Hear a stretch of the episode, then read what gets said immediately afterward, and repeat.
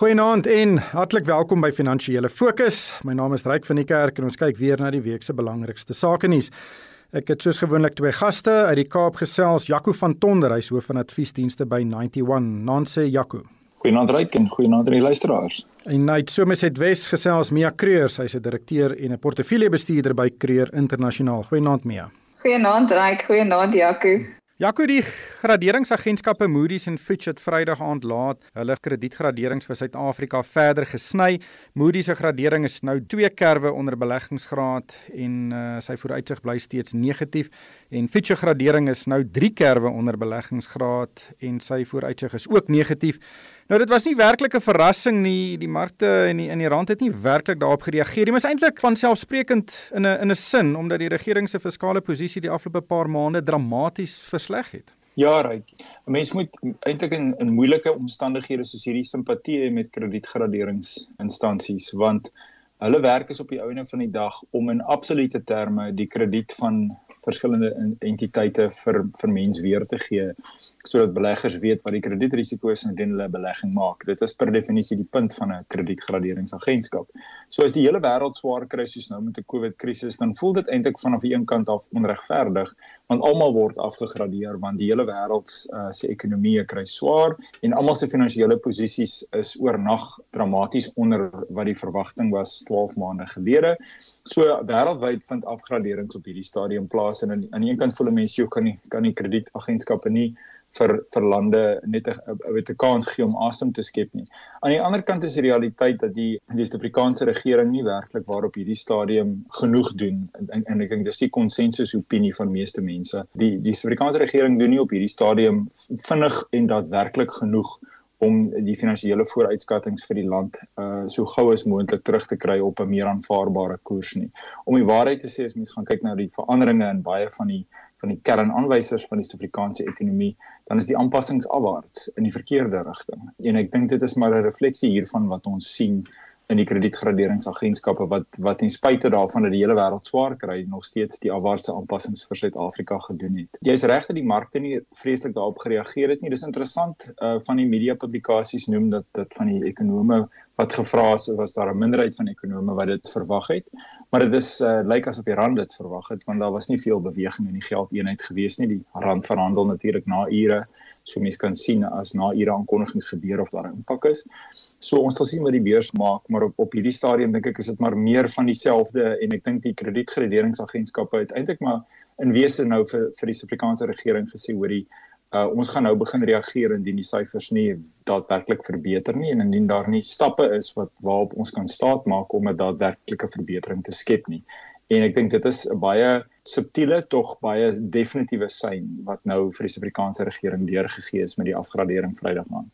Jaco, nog 'n interessante storie hierdie week was dat die tesourie die klassifikasie van sogenaamde inwaarts genoteerde instrumente op die JSE en seker ander beurse ook nou as 'n plaaslike belegging sien. Dit klink baie tegnies, maar dit kan 'n geweldige impak op die Suid-Afrikaanse beleggingsbedryf hê. Hoe, hoe hoe sien jy dit? Ryk, ek dink daar's 'n klompie gesprekke aan die gang want ek ons ons die situasie lees is dat basies die Reserwebank is op 'n langtermynstrategie om die vereistes rondom uh, buitelandse valuta te verslap, veral vir mense wat van die buiteland af besigheid in Suid-Afrika wil kom doen. En in daai opsig is Suid-Afrika en die JSE natuurlik is entiteite wat kan voordeel trek as buitelandse instansies deur Suid-Afrika die Afrika kontinent wil betree, maar byvoorbeeld van hulle sekuriteite wil lys op die JSE ten einde verhandeling en kapitaal eh, invordering makliker te maak. So so dit lees ons as die langtermyn idee agter die aankondiging en ek dink dit is 'n 'n konsep wat 'n mens moet ondersteun want ek dink dit is die regte strategie. Kan jy gou vir 'n voorbeeld gee van hoe jy dink dit kan werk? Kyk, baie keer wil jy maatskappye wat in Afrika besigheid doen, uh het 'n keuse om in in een van in die betrokke Afrika land 'n uh, lysing te doen en om dan deur daardie beurs te verhandel. Maar daai beurs het dalk nie die likwiditeit en die en die en die vertroue wat 'n beurs het soos byvoorbeeld die JSE nie. So deur byvoorbeeld dan daai aandeel te vat en om inwaarts te lys in Suid-Afrika, kry jy dit reg om basies 'n stelsel te kry met meer vertroue wat jy kan gebruik om kapitaal te trek en wat dit dan makliker maak vir die eienaar van daai besigheid om kapitaal in die hande te kry. Makliker as indien hulle dit sou probeer om die aandeel te verkoop op die plaaslike beurs in die betrokke land waar die besigheid besigheid doen. Dis byvoorbeeld een voorbeeld daarvan. Maar hoe hoekom sal dit nou saak maak of dit nou in Suid-Afrika geklassifiseer word as 'n plaaslike belegging of 'n buitelandse belegging?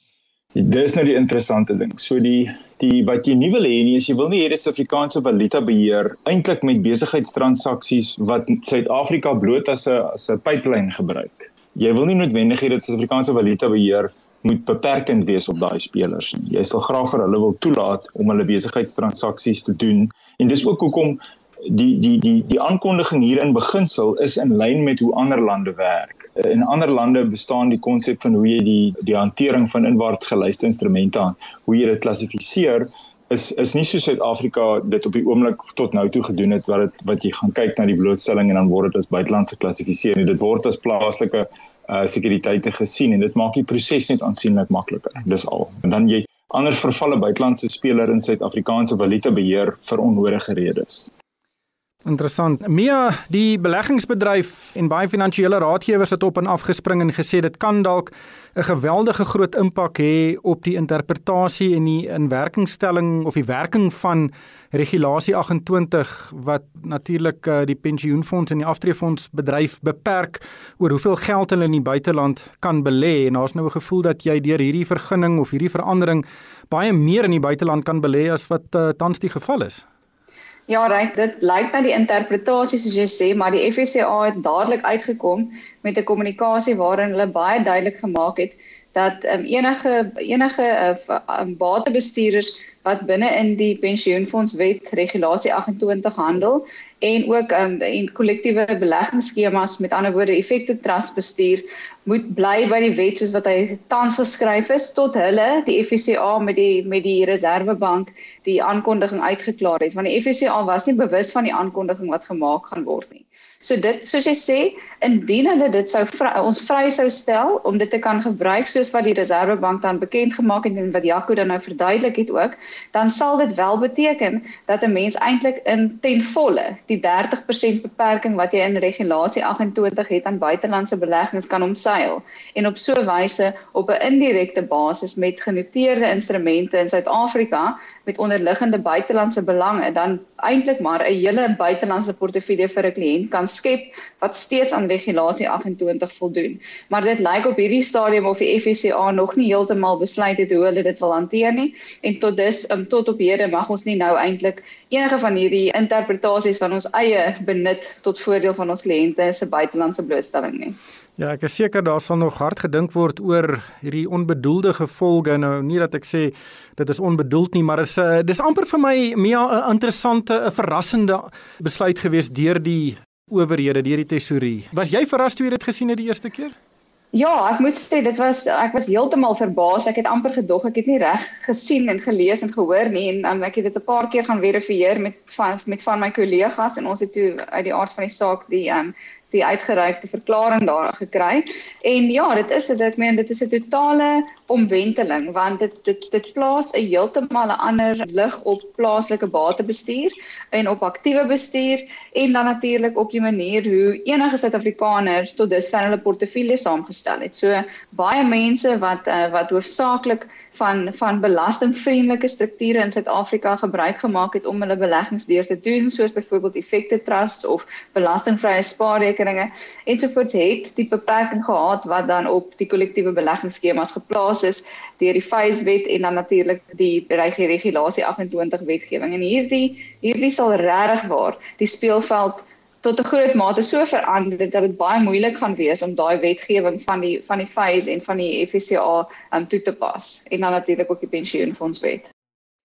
Jaco, die batebestuursbedryf verneem ek is nie baie gelukkig met die voorstel nie omdat dit baie besigheid by hulle kan wegneem. Hoe sien jy die impak van van hierdie verandering op die batebestuursbedryf? So ryk ek dink die die uh, aantuiging van onregverdigheid dink ek kom maar bloot daaruit omdat die manier hoe die bewoording geskep het skep die voordeel van eintlik oneindige buitelandse blootstelling slegs vir sekere tipes beleggingsinstrumente spesifiek jou genoteerde instrumente wat wat onderliggend aan indekse blootgestel is. So dis jou jou passiewe tipe strategie en natuurlik die strategie wat gelys is op die beurs. So die argument van baie van die fondsbestuurders was as dit wel die intensie is van die Reserwebank om hierdie uh, mate van blootstelling aan buitelandse bates vir pensioenfondse te gee, dan moet dit op 'n meer gelyke basis aan al alle spelers in die uh, fondsbestuursbedryf gegee word, nie net aan sekere spelers wat in sekere produkte of sekere strukture hulle beleggingsbestuur uh, beoefen nie. En ek dink dit was maar van daai oogpunt af wat die argument van die fondsbestuurskant af gekom het om te sê luister mense moet die speelveld gelyk hou. As mense gesonde kompetisie in jou ekonomie wil hê dit help nie mense skep 'n baie sterk voordeel veral in 'n area wat so uh, emosioneel sensitief op die oomblik is soos buitelandse blootstelling en aftreffondse ek wil mense lees omtrent weekliks daarvan in die media uh dat mense kan nie op op so 'n item 'n uh, ongelyke speelveld in die bedryf hê nie. Was jy verras toe jy dit die eerste keer gesien het? Ja, ons ons was baie verras geweest, maar ons het redelik omdat ons baie van die geskiedenis verstaan wat ons was as, as huis self baie betrokke gewees by die die formulering van die valuta beheer regulasies in die verlede en baie kommentaar daarop gelewer het ons vermoed dat hierdie was 'n geval gewees van ehm um, definisies wat net verkeerd of o, gemis is. Maar dit is ek weet die wetgewing is, is so kompleks op valuta beheer dat jy maak 'n verandering in een area van die wetgewing maar jy vergeet dat sekere van daai komponente wat jy nou aan torring word op ander areas in ander wetgewing gebruik en definisies daar's nie noodwendig dieselfde nie en jy raak vasgevang in woord woordspelings en en voor jy kom kry skep jy per ongeluk 'n skuiwergat wat noodwendig nie heeltemal net was wat jy wou doen nie dis dalk nou aansienlik groter. So ons het van die begin af verwag dat ons vermoed iets is gemis en dat dit op oor tyd ge uh, weet daar duidelikheid daaroor oor tyd gegee gaan word en ek dink ons almal is nou besig om te wag uh, om dat die Reservebank en die FSCA net hulle gesprek voltooi en dan sal mense hopelik beter rigting kry oor hoe die interpretasie in die toekoms gaan wees. Interessant inderdaad. Maar Mia, gepraat van die JSE, Anchor Capital is 'n klein batebestuurder van Pira Armitage en hulle het nou ook hierdie week uh, gesê hulle wil hulle notering beëindig op die JSE. En uh, op RSC geldsaake het uh, Pieter nogal dit baie duidelik gestel en gesê hulle sien nie meer soveel waarde daarin om op die JSE genoteer te wees nie. Hoe het jy daardie aankondiging geïnterpreteer? Ja, ek moet sê ryk toe hulle destyds noteer het, het ek ook gedink dit is 'n bietjie ambisieus vir die grootte van die besigheid op daai stadium. Hulle was maar 2 jaar oud gewees toe hulle noteer het. En ek dink dit was 'n uit 'n besigheidsoogpunt vir hulle baie winsgewende skuif geweest. En nou met die denotering dink ek gaan dit weer vir hulle baat aangesien hulle heelwat minder uh, verpligtinge het, regulatoriese verpligtinge en fooie wat hulle moet betaal as gevolg van uh, van noterings wat ons weet duur is deesdae.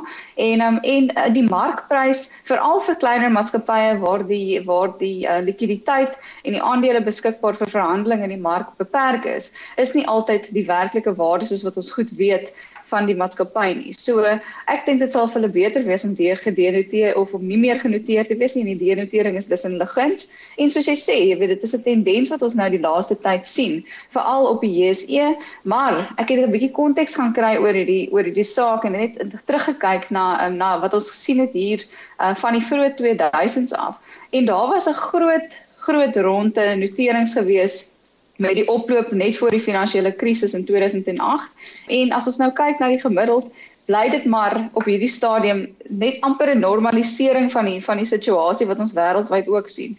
Daar is heelwat ander instrumente wat deesdae genoteer is wat beleggers se aandag trek en ek dink nie noodwendig dat notering as sulks um, van die baan af is nie ook met die regulasieverandering wat ons nou bespreek het soos wat Jaco ook baie goed verduidelik het is dit nou in 'n ander lig weer baie aantreklik vir maatskappye om bepaalde instrumente of gedeeltes van besighede of dan natuurlik hele maatskappye te noteer. So ek dink die speelveld het net 'n bietjie verander en die benadering tot hoe jy uh, verskillende bates uh, bekom en en blootstelling daartoe kry het verander. Dan Mia net laastens, Christo Wiese was vir 40 jaar lank die voorsitter van Shoprite en hy het hierdie week sy tuig neergelê by uh, Shoprite se jaarvergadering. Hy sal nou net gewone direkteur wees by die maatskappy en dis amper 'n einde van 'n era. Dis 'n maatskappy wat hy van ag klein winkeltjies help opbou tot die grootste kleinhandelaar op die vasteland. Ja, absoluut. Dit is verseker einde van die era. Ek meen ek ek dink terug aan as ek nou na die geskiedenis gaan kyk soos jy noem, hoe hy destyds in 79 vir Whitey was on oortuig het jy weet dat hulle 'n Pepkor hulle die um daai klein maatskappy of um eerder winkeltjies moet koop soos jy nou na verwys het. En niemand het gedink dat hulle ooit sou kon meedink deur Pick n Pay of ook al Bazaar op daai stadium en tot hulle vir hulle vandag staan. Maar die weer eens, die hele uh, speelveld en die benadering van aandeelhouers het baie verander in die laaste uh, 40 jaar. En wanneer ons kyk hoe dit nou lyk, daar is 'n heeltemal 'n um, verskuiwing van fokus vir vir aandeelhouers veral op vergoedingsmodelle ook op die um, rotering van die ouditeure. Ons het gesien daar was verskeie sake die laaste paar jaar op die JSE waar uh, maatskappye groot um, grootliks teruggesak het in hulle pryse as gevolg van van inligting wat weerhou is en wat nie deur die ouditeure duidelik na vore gebring is nie en nie um, goed genoeg op gerapporteer is nie en toe is die voorstel ingebring dat ouditeure elke paar jaar geroteer behoort te word. So ons sien daar 'n duidelike verandering en dit is ontwrigtend ook vir maatskappye en dit is waarom mense soos Christo Wiese, Whitey Mason en so voort gemaklik was met die feit dat 'n een ouditeursfirma hulle vir 38 jaar byvoorbeeld geaudit het. So ja, die hele speelveld, die benadering van die van die aandeelhouer en en in hierdie gevalle baie meer die ehm um, nie net die aandeelhouer nie, maar al die belanghebbende partye kom meer in fokus deesdae as wat dit destyds was en ek dink dit is 'n verandering van die speelveld wat ook dan so die die voorsitters en die en die direksie van die maatskappy gaan beïnvloed vorentoe. Ja, Jaco het nou verwys na OK. Ek dink Shoprite het OK gekoop vir R1 by die Suid-Afrikaanse brouery as ek reg onthou. Dis korrek ja. En ek bedoel die storie rondom daardie transaksie is al vele male rondom braaivleisvure in Appington vertel by die dorp is waar meneer Wiese natuurlik weet vandaan kom oorspronklik en ek kom uit daai selfe area uit so ek het baie self persoonlik na die stories geluister. 'n legende verhaal in Suid-Afrika maar ek dink tog Mia raak aan 'n belangrike punt hier. En en dit is dat publieke geluistermaatskappye die reëls van die spel is nie eenvoudig besig om te verander. Meneer Wiese het die laaste tyd baie druk ervaar van ander aandeelhouers omdat dit gesien is dat hy te veel persoonlike belang by die besigheid het en ook die voorsitter is. En uh het wêreldwyd is daar 'n druk dat in belang van van al die aandeelhouers, soveel as moontlik van jou direkteure so onafhanklik as moontlik moet wees vir al jou voorsitter wat baie keer in moeilike gevalle 'n besluit moet skeidsregter en jy wil graag hê dat jy iemand daar het wat deur die aandeelhouers gesien word as in belang van al die aandeelhouers uh, werk as eerder as om miskien moontlike konflik van belange kan bestaan. So ek dink dis 'n era gewees onder meneer Wiese wat wat regtig waar 'n absolute indrukwekkende periode was as mens kyk na die opbrengste wat die maatskappy gemaak het. En ek dink hy is baie gelukkig met die resultate wat behaal is maar maar ek stem saam in die in die in die lyn van hoe korporatiewe organisering en veral aandeelhouers druk besig is om om te ontwikkel en die verwagtinge wat daar is van geluiste maatskappye oor hoe hulle opereer en hoe hulle besluite neem dit is dit 'n besluit wat 'n mens eintlik verbaas is dat dit uh, so lank geneem het voordat se besluit het om om terug te staan as voorsitter Ongelukkig hierdie tyd ons ingehaal. Baie dankie aan Jaco van Tonder, hy's hoof van adviesdienste by 91 en ook Mia Creer, direkteur en portefeuljebestuurder by Creer Internasionaal. En vir my ryk van die kerk, dankie vir die saamluister en ek hoop almal het 'n winsgewende week.